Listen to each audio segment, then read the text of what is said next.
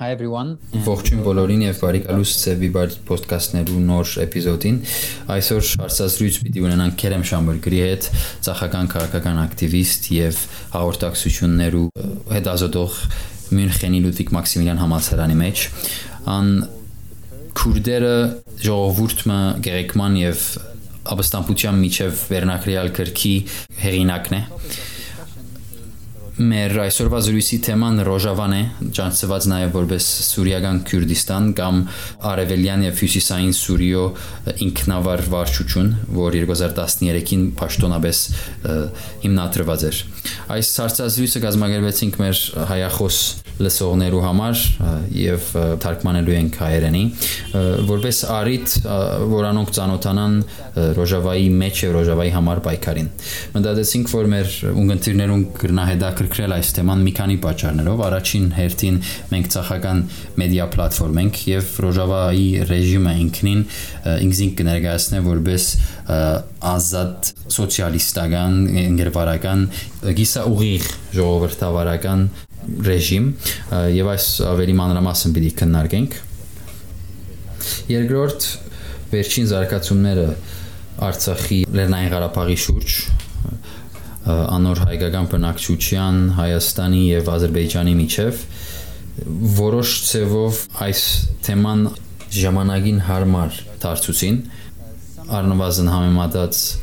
այս վերջին զարգացումներու զարգացումներն առաջ եղած ժամանակաշրջանի հետ մի քանի պատճառներով առաջին հերթին ըստ ոմանց ըստ որոշ աշխարհակահաղական վերլուծաբաններու այս զարգացման բռնության բادرազմի եւ բادرազմի արդյունքին որպես հետևանք Հայաստանը եւ ընդհանրապես հարավային Կովկասի տարածաշրջանը ավելի մոդիկ դարձավ միջին արևելքին աշխարհակահաղական առումով անշուշտ թրքական բանակի ներգրավմամբ ռուս-թուրքական միատեղ խաղաբահ կամ խաղաղությունը վերահսկող գործունեության առումով բայց նաև Սուրիայից եւ Լիբիայից իսլամիստական ջիհադիստական վարձկան զինվորներու ներգրավմամբ թրքական կողմի կողմից եւ այս բոլորը ցևովը դարձաշրջանը ռազմաքաղաքական առումով ռազմաքաղաքական հաշվարկներու եւ կապերու եւ ուժերու հարաբերակցության առումով որոշ չափով ավելի մոդիկ դարձուցին իջին արևելքին, որտեղ նաեւ Ռոժավան կգտնվի։ Երկրորդ ավելի հղացկային կամ գաղափարական առումով Ռոժավան Արցախի նման մեկ այլ օրինակ է եւ քերեմա այդ մասին ավելի կասե ինքնորոշման համար բայկարիմը ինչը հաճախ կհագասե կոյություն ունեցող ասկպետություններու շահերուն եւ ցկտումներուն ազգայնական եւ բայց նաեւ կայսերաբաշտական ռեժիմներու, որոնք ի սկզբանե երբեմն ստեղծած են այդ ասպետությունները եւ մինչեւ այսօր կվերահսկեն անոնց գոյությունը, անխախտ գոյությունը։ Այս առումներով անշուշտ պատմականորեն եւ ներկայի առումով կան տարբերություններ, բայց որոշ առումով քաղաքական հղացկային տեսական առումով կան նաեւ նմանություններ Արցախի եւ Ռոժավայի ժողովուրդներու ինքնորոշման ցկտումներու եւ իրավունքներու եւ այդ պայքարի առումով Արցախի բարակային այդ պայքարը եւ իրավունքը բավականին լուրջ ձևով, լուրջ չափով խարխլեցավ կարելի է ասել վերջին բادرազմի որպես արդյունք։ Այս կանը ուրեմն որպես ընդհանուր մուտք եւ ներկայացում մեր թեմային եւ մեր խոսնակին եկեք այժմ ողջունենք Կերեմին եւ ամիջապես անցնենք մեր հարցազրույցին։ Նախ եւ առաջ բարի գալուստ Կերեմ սկսենք Ռոժավայի պատմության մասին խոսելով խիտ ցևով եթե ներկայացնես Ռոժավայի պատմությունը մեր ունգընտիրներուն, որոնք մեծավ մասամբ հավանաբար խորաբես չեն դիրաբերել այդ պատմության։ Yes, uh, thank you very much for inviting me to uh, talk to you about uh, the revolution. Շնորհակալ եմ, որ հրավիրել եք Ռոժավայի հեղափոխության մասին խոսելու։ Շատ ուրախ եմ, որ այս թեմայի մասին կարող եմ խոսել Սև Բիբարի հետ, որովհետև կարծում եմ, որ ինչպես արդեն ասացիր, սա կապվում է նաև Հայաստանում եւ Արցախում Լեռնային Ղարաբաղում իրավիճակի հետ։ Նախ թույլ տվեք ձեզ ցույց տալ էկրանը։ Հուսով եմ հիմա տեսնում եք քարտեզը։ Նախ մի քանի ընդհանուր դրույթներ ասեմ։ Քարտեզի վրա մուգ գույնով կարող եք տեսնել քրդերով բնակեցված հիմնական տարածքները։ Այս շրջանները նաև միշտ բնակեցված են եղել այլ էթնիկ խմբերով՝ հայեր, եզդիներ, արաբներ, թուրքմեններ, թուրքեր եւ այլն։ Այսինքն սա միշտ բազմազգ եւ բազմամշակութային տարածք է եղել, որտեղ եղել են նաև քրդերը։ Երևի գիտեք, որ ամեն տարի մարտի 21-ին քրդերը տոնում են Նևրոզը, նոր տարվա սկիզբը։ Ձեզ հավանաբար ծանոթ է կրակի վրայով ցածկելու այս տոնակատարությունը, Պարսկաստանում նույնպես նման կերպ տոնում են, բայց քրդերի համար սա խիստ քաղաքականացված տոնակատարություն է, որով նրանք նշում են պայքարը իրենց նկատմամբ ճնշումների դեմ։ Սա խորհրդանշում է բռնապետական իշխանությունների դեմ պայքարը հանուն մարդու իրավունքների, կանանց իրավունքների եւ քրդերի իրավունքների։ Արևմտյան մեդիան քրդերի մասին խոսելիս միշտ ներկայացնում է պատերազմ, ահաբեկչության, դաժանություններ, որ կատարվում են կամ քրդերի նկատմամբ, կամ էլ նրանց կողմից, բայց ես պնդում եմ, որ քրդական ազատագրական շարժումը սոցիալական շարժում է, որը ձգտում է դեմոկրատիզացնել մերձավոր արևելքը։ Ու դա པարզ է դառնում, երբ նայում ենք Հյուսիսային Սիրիային, որի մասին էլ այսօր խոսելու եմ։ Պետք է ասեմ, որ շատ անգամ եմ այնտեղ եղել Հյուսիսային Քրդիստանում, Թուրքիայում։ Հիմա այնտեղ այլևս չեմ կարող գնալ, որովհետև թուրքական պետությանը դուր չի գալիս, թե ինչ եմ ես գրում ու ասում։ 2018-ին ես եղել եմ հարավ Հարավային Քուրդիստանում, Իրաքում, Ռոժավայում եմ եղել իմ ատենախոսության հետազոտությունների հետ կապված, ուսումնասիրում էի քրդական մեդիան։ Իդեպ Ռոժավա քրդերենով նշանակում է արևմուտք, բառացի այնտեղ, ուր արևը մայր է մտնում, որովհետև այն գտնվում է Քուրդիստանի արևմտյան մասում։ Այստեղ կարող եք տեսնել ամբողջ Սիրիայի քարտեզը։ Կարմիրով նշված են Ասադի ռեժիմի եւ Ռուսաստանի հեգեմոնիայի տակ գտնվող տարածքները, կանաչով վերևի ցախ կողմում նշված են Թուրքիայի կողմից ջիհադիստ զինյալների հետ միասին գրաված տարածքները,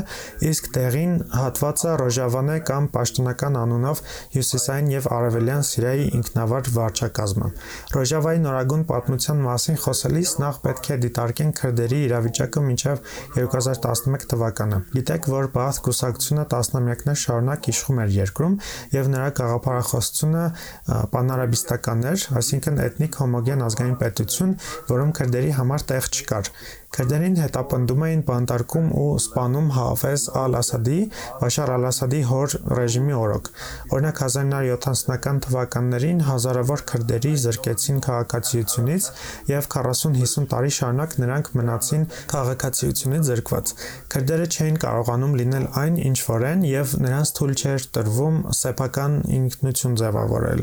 Եվ Սիրիայի քաղաքական պատերազմի, այնուհետև նաեւ միջազգային պատերազմի ժամանակ քրդերն օգտվեցին իշխանության վակումից եւ 2018-ից սկսած սկսեցին Սիրիայի հյուսիսում իրականացնել իրենց սեփական պրոյեկտը, որը ես անվանում եմ Ռոժավայի հեղափոխություն։ Սոցիալական բողոքի ալիքը Սիրիայում սկսվել էր 2011 թվականին եւ ազդված էր այսպես կոչված արաբական գարունից։ Կարծում եմ, որ սկզբում այս բողոքի շարժումը լեգիտիմ էր, այն ուղղված էր Ասադի ռեժիմի նեոլիբերալ քաղաքականությունների դեմ, բայց արևմտյան պետությունները Թուրքիան եւ Սաուդյան Արաբիան շատ արագ օգտվեցին առիթից եւ սկսեցին զինել ընդդիմությանը։ Ընդդիմադիր խմբերից որոշները, մանավանդ իսլամիստները, պատրաստ էին բռնություն կիրառել կիրառել, դրան նպաստեց նաև այն, որ հենց սկզբից իշխող ռեժիմը բիրտ ուժ կիրառեց խաղաղ ցուցարարների նկատմամբ։ Միևնույն ժամանակ երկրի հյուսային մասը, Ռոժավայի շրջանը հիմնականում հանգիստ մնաց, ինչու, որովհետև հանուն ժողովրդավարական հասարակության շարժումը թև դեմ, որը բոլոր քրդական ընդդիմադիր շարժումների մոտ 80%-ին միավորող կազմակերպություն է եւ հիմնվել էր 2011 թվականին, ահա թև դեմ շարժումը որոշեց ընտրել երրորդ ճանապարհը, այսինքն չլինել ոչ Ասադի ռեժիմի կողքին, ոչ էլ այսպես կոչված Սիրիայի ազատ բանակի։ Եվ օգտվելով Հյուսիսային Սիրիայում Ասադի ռեժիմի իշխանության վակումից 2012 թվականի հուլիսի 19-ին Քոբանեի քաղաքային ադմինիստրացիան Քոբանեի մասին հավանաբար լսած կլինեք, այնտեղ տեղի ունեցավ առաջին հաջողված դիմակայությունը իսլամիստական պետության դեմ, Դաեշի դեմ։ Ես հետագայում նրանց կանվանեմ Դաեշ, ինչպես տարածաշրջանի ժողովուրդներն են անվանում։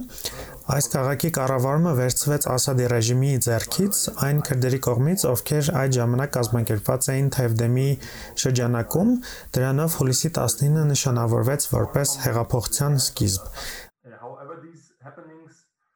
Այս իրադարձությունները պատահականություն չէին, դրանից առաջ տասնամյակներ շարունակ քաղաքական աշխատանք էր կատարվում, հիմնականում ընդհատակում։ Աբդուլլա Օջալանը հյուսիսային Սիրիայում է ապրել 1979-1998 թվականներին, այսինքն 12 տարուց ավելի, եւ սա մեծ դեր ունեցավ Սիրիայի քրդերի քաղաքականացման գործում։ Հավանաբար գիտեք, որ Աբդուլլա Օջալանը Քուրդիստանի աշխատավորական կուսակցության PKK-ի հիմնադիրն է։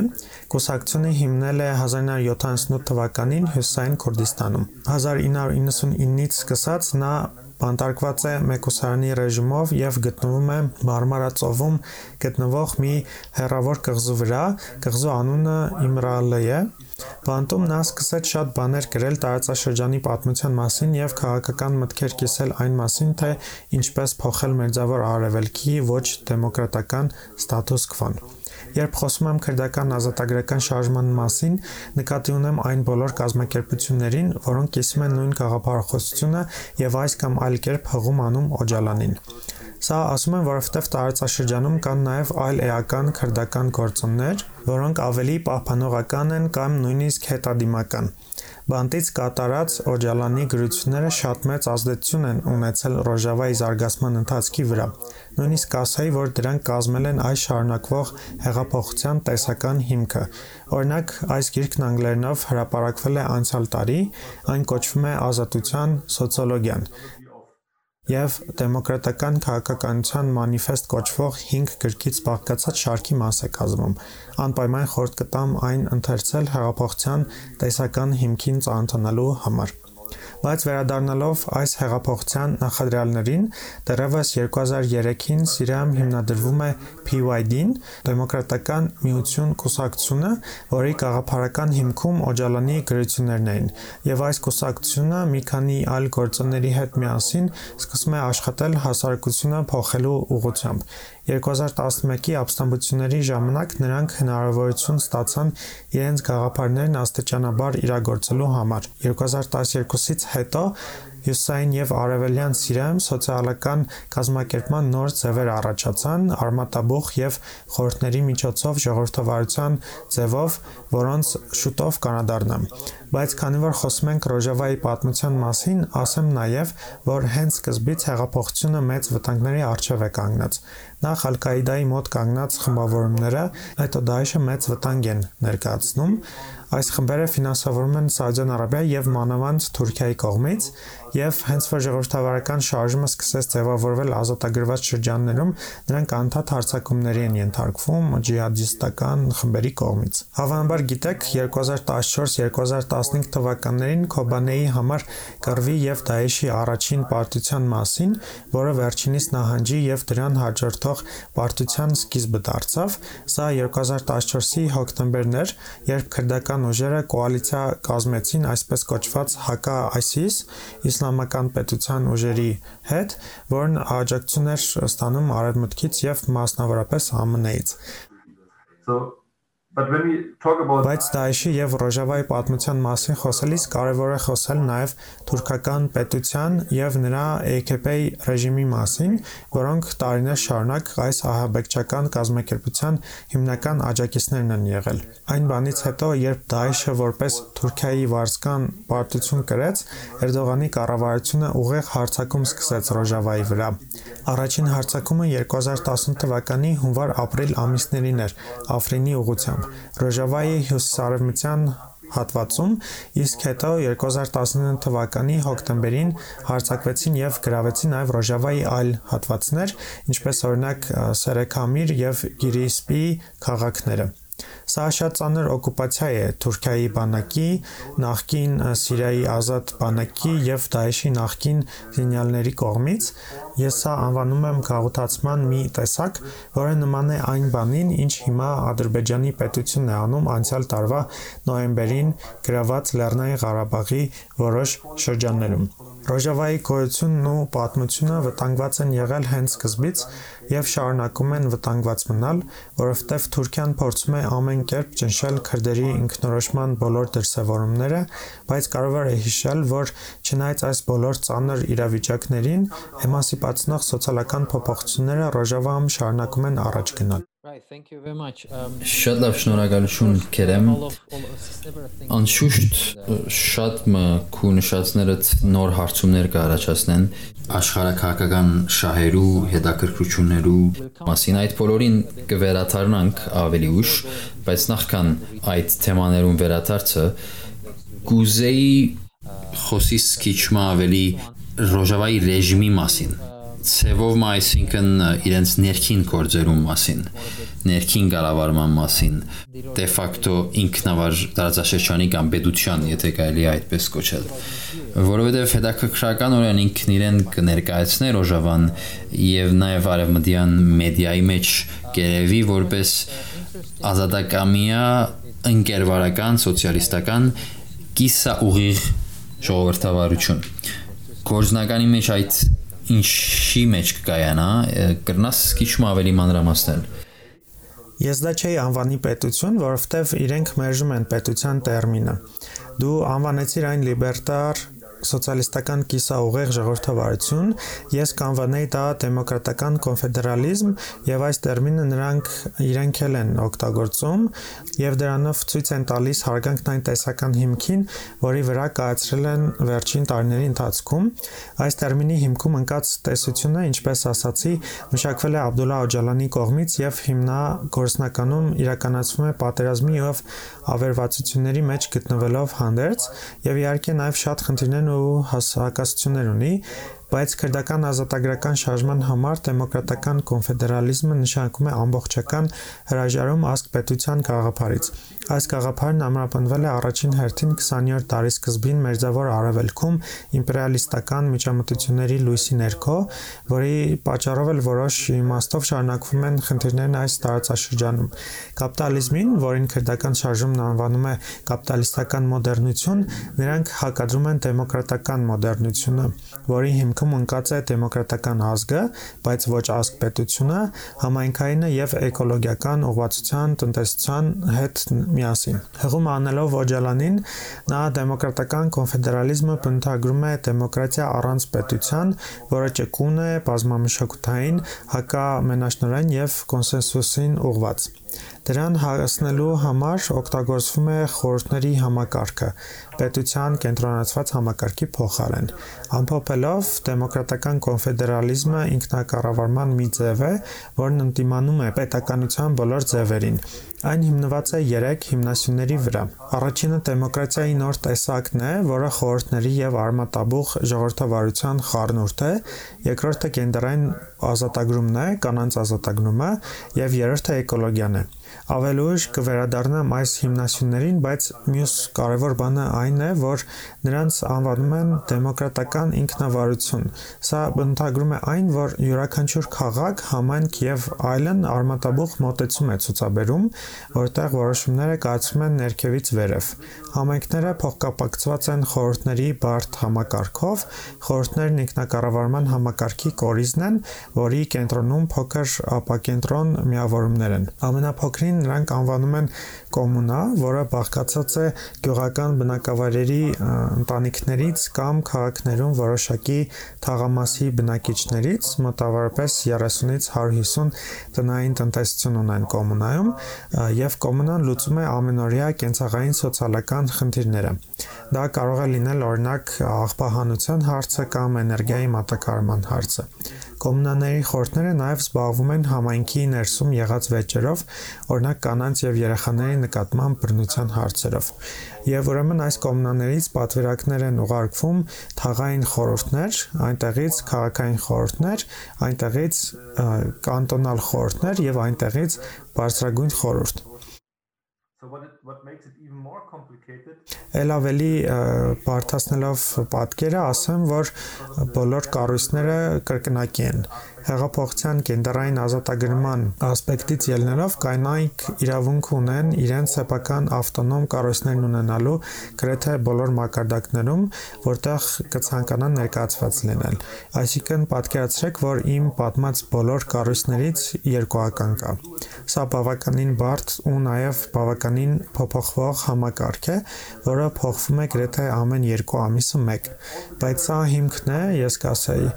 Ընդհանուր առմամբ համակարգում գերակայում են խորհուրդներն ու արմատաբուխ դեմոկրատիան, բայց այստեղ կան նաև ներկայացուցչական ժողովրդավարության որոշակի տարեր, մանավանդ երբ խոսքը գնում է այլ պետությունների հետ դիվանագիտական գործունեության մասին, քանի որ պետությունները սովոր չեն արմատաբուխ շարժումների հետ աշխատելուն,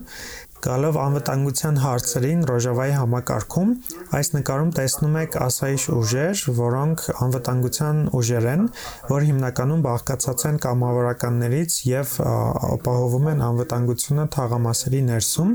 Նրանք մերժում են ոստիկանություն տերմինը, որովհետև այն համարում են պետական բռնության մասը։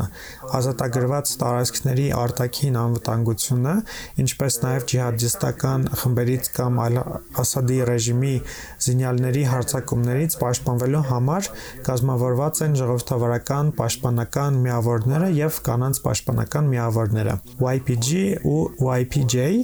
որոնց մասին ասացի։ Հիմա ինչ վերաբերվում է ռազմական ոլորտում դեմոկրատական ինքնավարությանը, օրինակ այստեղ կարող եք տեսնել Սիրքայ զինվորական խորհրդի խորհրդանիշը։ Այն պաշտպանական կազմակերպություն է, կազմված քրիստոնյա ասորիների կրոնական փոքրամասնության կողմից եւ մոտիկից աշխատում է YPG եւ YPJ-ի հետ։ Այստեղ կարող եք տեսնել Շեհիդ Նուբա Ռոզանյան հայկական բատալյոնի խորհրդանիշը։ Նա Թուրքիայում ծնված հայկական ցակումով մարդ էր, ով զոհվեց 2017-ին Դաեշի դեմ կռվելիս եւ տեսնում եք, որ նրանց դրոշի վրա պատկերված է նաեւ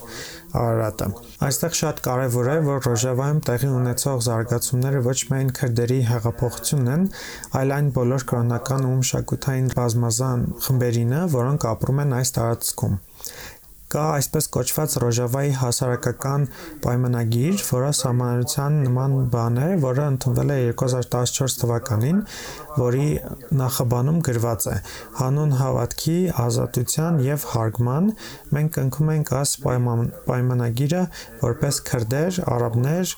սուրիոյաներ, այսինքն խալդեացիներ, ասորիներ եւ արամեացիներ, թուրքմեններ եւ չեչեններ։ Եվ կրոնի ազատությունը նույնպես խորապես հարգվում է Ռոժավայում։ Այնտեղ եղած ժամանակ ես տեսա բազմաթիվ եկեղեցիներ, ինչը շատ տպավորիչ էր։ Ամփոփելով, Ռոժավան հիմա փորձարկում է մի օրինակելի սոցիալական մոդել, որը կասեի Մերձավոր Արևելքի ժողովուրդների համակեցության մի մոդել է ազգ պետությունների կենտրոնամետ համակարգերից այն կողմ եւ նույնիսկ ավելի հեռուն կգնամ ու կասեմ որ նրանց տեսությունն ու քննադատությունը կարող են լուծել որոշ հիմնարար խնդիրներ որ տեսնում ենք Իսրայելի եւ Պաղեստինի ինչպես նաեւ Հայաստանի եւ Ադրբեջանի միջև բայց իհարկե սա մի բան է որ դուք պետք է ինքներդ քննարկեք ձեր շրջանակներում Դարձյալ շնորհակալություն կերեմ բավական մանրամասն ներկայացման համար։ Իրականության մեջ իսկապես հետաքրքրական եւ խանդավառող, նույնիսկ հուսադրող է ինչպես որ տունս իր տարբեր իմաստներով առնվազն հերվեն գտվի օրինագելի լալ որպես ազգայնականությանը պետությանը որպես քաղաքական կառուցվածք ցերնոցն է դելով բայց լսած եմ որոշ քննադատություն կամ վերաբահություն մարդուց կողմ է, որոնք այնտեղ չեն եղած, այս բոլորը տեսնելով որպես ծանուցում կամ ռոպագանդա արևմտյան հասարակություններուն արևմտյան ցախական շրջանակներուն ուղությամբ ես չեմ վերարտադրել այդ քննադատությունը բայց ինձ իսկապես կհետաքրքրե քո գարձիկով որպես մեկը դարձյալ այդ նույն արևմտյան ցախական շրջանակներն որ այնուամենայնիվ այցելած է Ռոժավա ինչքան հավատարիմ կդաձես Ռոժավան այս իդեալներուն first of all Դու նշեցիր, որ քննադատներն ասում են, թե սա ռոպագանդա է արևմուտքի ցախերի համար, բայց ինչ շահ ունի Ռոժավան արևմուտքի ցախերին ուղված ռոպագանդա անելու, նրանք որևէ ուժ չունեն, եթե նրանք ցանկանում են սոլիդարություն ստանալ զորներից, ապա պետք է ռոպագանդա ուղեն, ասենք, Գերմանիայի ԱՄՆ-ի կառավարություններին, իհարկե նրանք ցանկանում են արևմուտքում երևալ այնպիսին, ինչպիսին կան, նույնիսկ իմանալով հանդերձ, որ ծախերն արևմուտքում ուժեղ չեն։ Երբ այնտեղ գնացի, ես շատ տպավորված էի տեղի բնակչության մասնակցության մակարդակով, այստեղ լուսանկարել եմ Նևրոզի տոնակատարությունները 2018-ի մարտին, 3 տարի առաջ, եւ ես շատ տպավորված էի, որ Կոբանեի ամբողջ բնակչությունը մասնակցում էր, տասնյակ հազարավոր մարդիկ Իհարկե Կոբանեն հեղափոխության սիրտն է, նրանք հասարակական այս տրանսֆորմացիաների մեծ պաշտպաններ են, բայց ես այսպիսի ցույցեր տեսա նաև Քամիշլիում, այդ ժամանակ այնտեղի ցույցերն ուղղված էին Աֆրինի դեմ պատերազմին, Նաև կարող ենք նայել թվերին 2017 թվականի հոկտեմբերին Ռոժովայի շրջաններում տեղական ընտրություններ տեղի ունեցան եւ մոտ 70% մասնակցություն եղավ, որը շատ բարձր թիվ է պատերազմի ու ավերվածությունների ընթացքում անցկացվող ընտրության համար։ Իհարկե, սա չի նշանակում, թե բոլորը քվեարկեցին հեղափոխական կուսակցությունների օգտին, բայց թեկուզ միայն ընտրություններին մասնակցելով նրանք հարգանք կամ աջակցություն ցույց տվեցին կյանքի կազմակերպման նոր ձևի նկատմամբ։ Բայց այս հարցը տեղ է բացում խոսելու նաև որոշ հակասությունների մասին, ինչպես ամեն հեղափոխական գործընթացում, այստեղ լիոլի հակասություններ կան։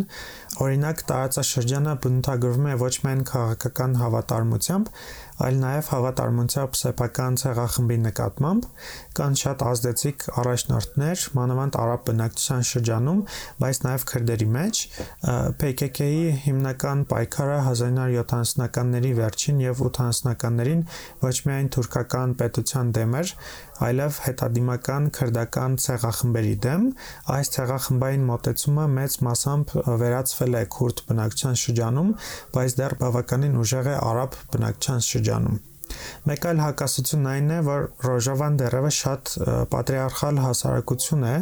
եւ այն տղամարդիկ, որոնք քաղաքական գիտակցություն չունեն, փորձում են պաշտպանել վերջին 5000 տարիների ընթացքում իրենց ունեցած արտոնությունները։ Սա նորություն չէ եւ չի կարող փոխվել 8-9 տարվա մեջ, բայց ես նաեւ տեսել եմ իմ աչքերով, որ Ռոժավան խորհրդանշում է ազատ տարածքների ձևավորումը, ինչպես կասեր մարքսիստ մտածող Էրիկ Օլին Ռայթը, Այս տարածքներում հնարավոր է փորձարկել նոր բաներ կապիտալիզմի եւ ազգ պետությունների կառույցներից դուրս։ Եվ Ռոժավայում այսպիսի ուտոպիստական տարածքները հնարավորություն ունեն զարգանալու եւ իրենց պաշտպանելու։ Օրինակ Ռոժավայում գործում է ժողովրդական կրթության ակադեմիաների համակարգ, որը նոր ձևավորող քրթական համակարգ է, որտեղ մարդիկ ինքնակրթվում են բոլոր մակարդակներում։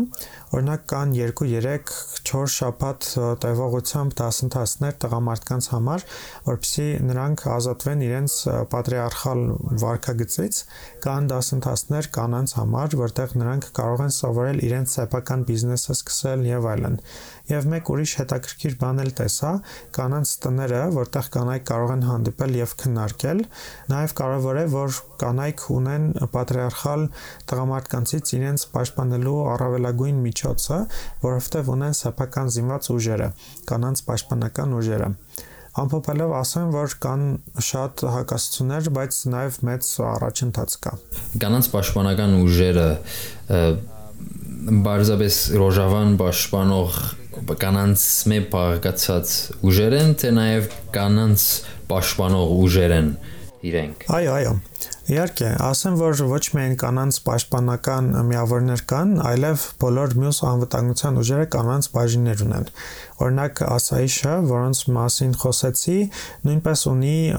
զուտ կանանցից կազմված խմբեր, սակայն օրինակ եթե որևէ թաղում մի տղամարդ կա, որը ծեծում է իր կնոջը կամ աղջիկ երեխաներին, ապա առաջին հերթին կանայք նրա հետ փորձում են խոսել, կրթել, բայց որպես վերջին միջոց, եթե կինը ցանկանա, նրան կարող են իր տնից դուրս բերել ու տեղափոխել ապահով տեղ եւ այս տեղը զենքով պաշտպանել, որովհետեւ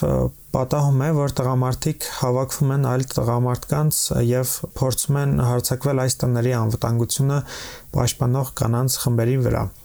բայց ի վերջո նրանք ոչինչ չեն կարողանում անել, որովհետև այդ կանայք լավ պատրաստված են եւ ինքնապաշտպանվելու գործիքներ ունեն։ Նախքան վերադառնանք աշխարհակահաղական կոնտեքստին, շատ այլ մեկ այլ շատ կարևոր հանգամանք, որ պետք է քննարկենք, տնտեսական կառուցվածքը ինչ կրնաս ասել ընկերվարական սոցիալիստական երեսին մասին ռոժավայի Ես ինձ մարքսիստ եմ համարում եւ Ռոժավայի մասին խոսելիս այն միայն ու միայն հեղափոխություն եմ անվանում, որովհետեւ վերջին տարիներին Հյուսիսային Սիրիայի հասարակության մեջ իրոք շատ խորը տրանսֆորմացիաներ են տեղի ունեցել, որոնք վերաբերվում են ոչ միայն զուտ մշակութային եւ ինքնության հարցերին, այլև տնտեսությանը։ Մարքսիստական դիտանկյունից հենց սեփականության կառուցվածքի փոփոխություններն են, որ հեղափոխական գործողություն են հանդիսանում։ Ինչպես է սա տեղի ունենում Ռոժավը։ Ընդհանուր առմամբ դեմոկրատական ինքնակառավարման սկզբունքը վերաբերվում է նաև տնտեսական ոլորտին։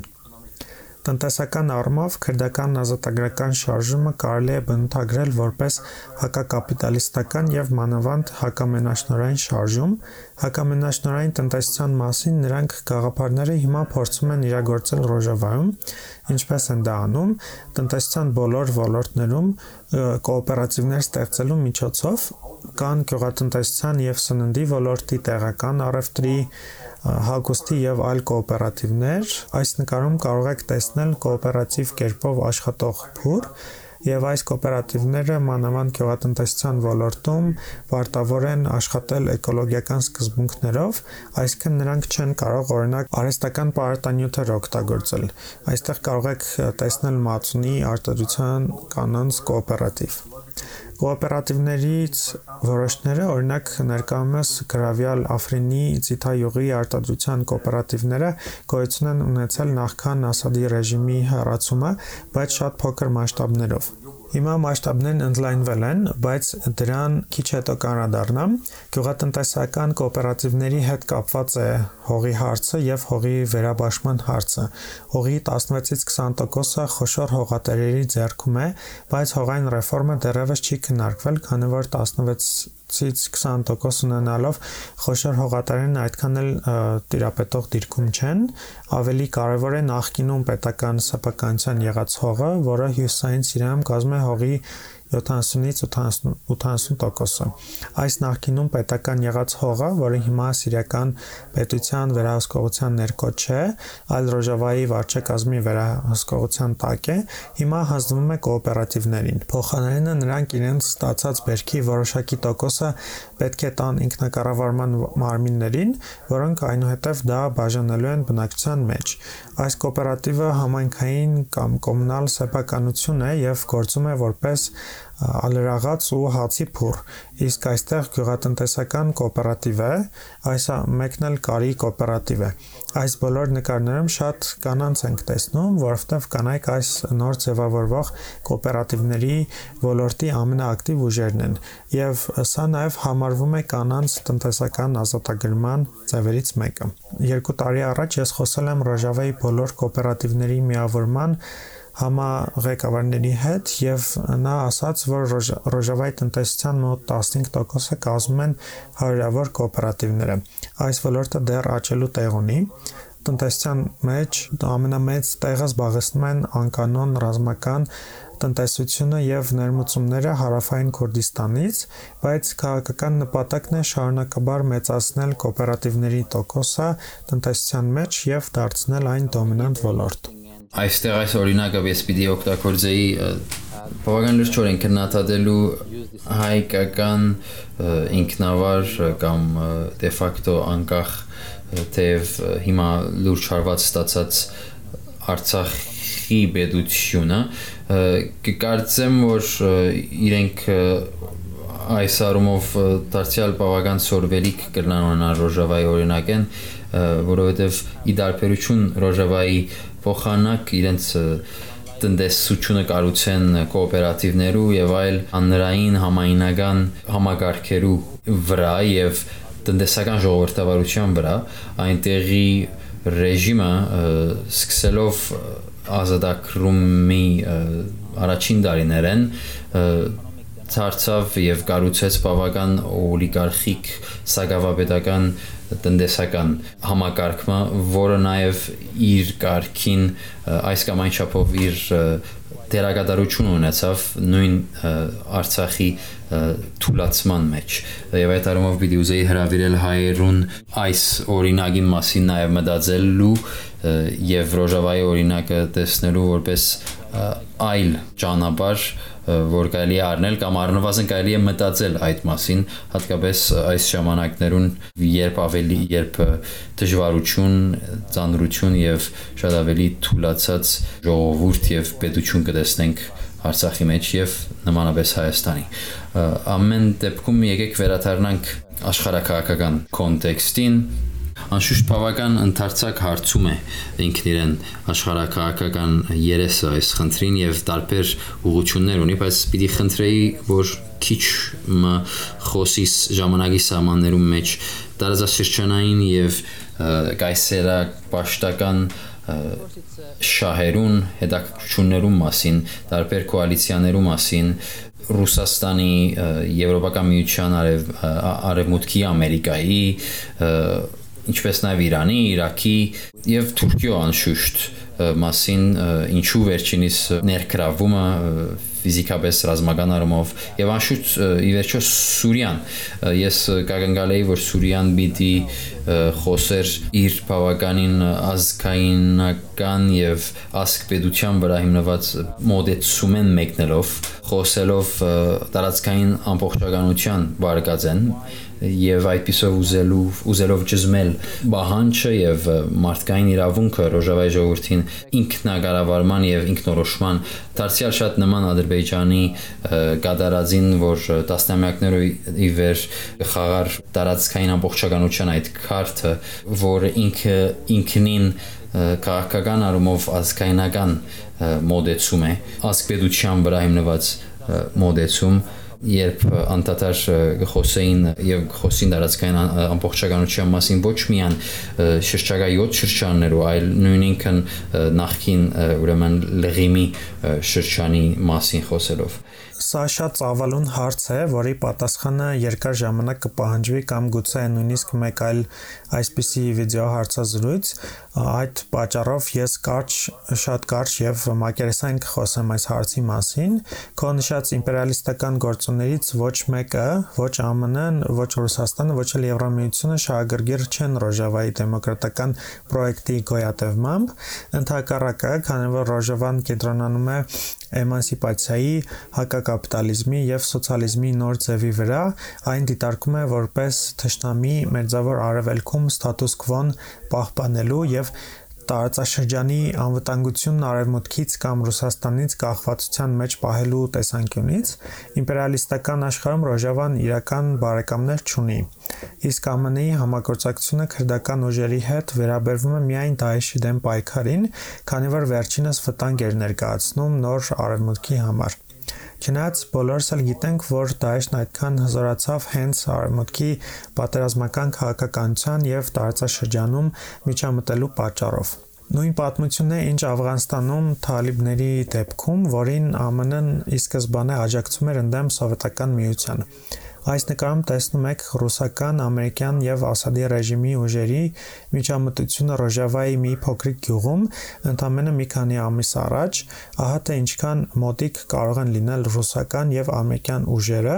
շատ հետաքրքիր լուսանկար է։ Տարածաշրջանային գործող հանդիսացող Թուրքիան կնախընտրեր օր առաջ վերացնել Ռոժավայի համակարգը,